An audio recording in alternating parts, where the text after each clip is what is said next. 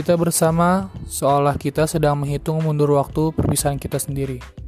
Tidak selamanya pertemuan itu untuk menyatukan. Terkadang, pertemuan juga harus memisahkan. Biarlah bila esok kita akan bahagia bersama orang yang berbeda. Tetapi ingatlah satu, sebagai kenangan kita berdua. Kita pernah berpegangan tangan, kita ber pernah tertawa, kita pernah marah, kita pernah mendekap, dan kita memang benar-benar pernah sedekat itu.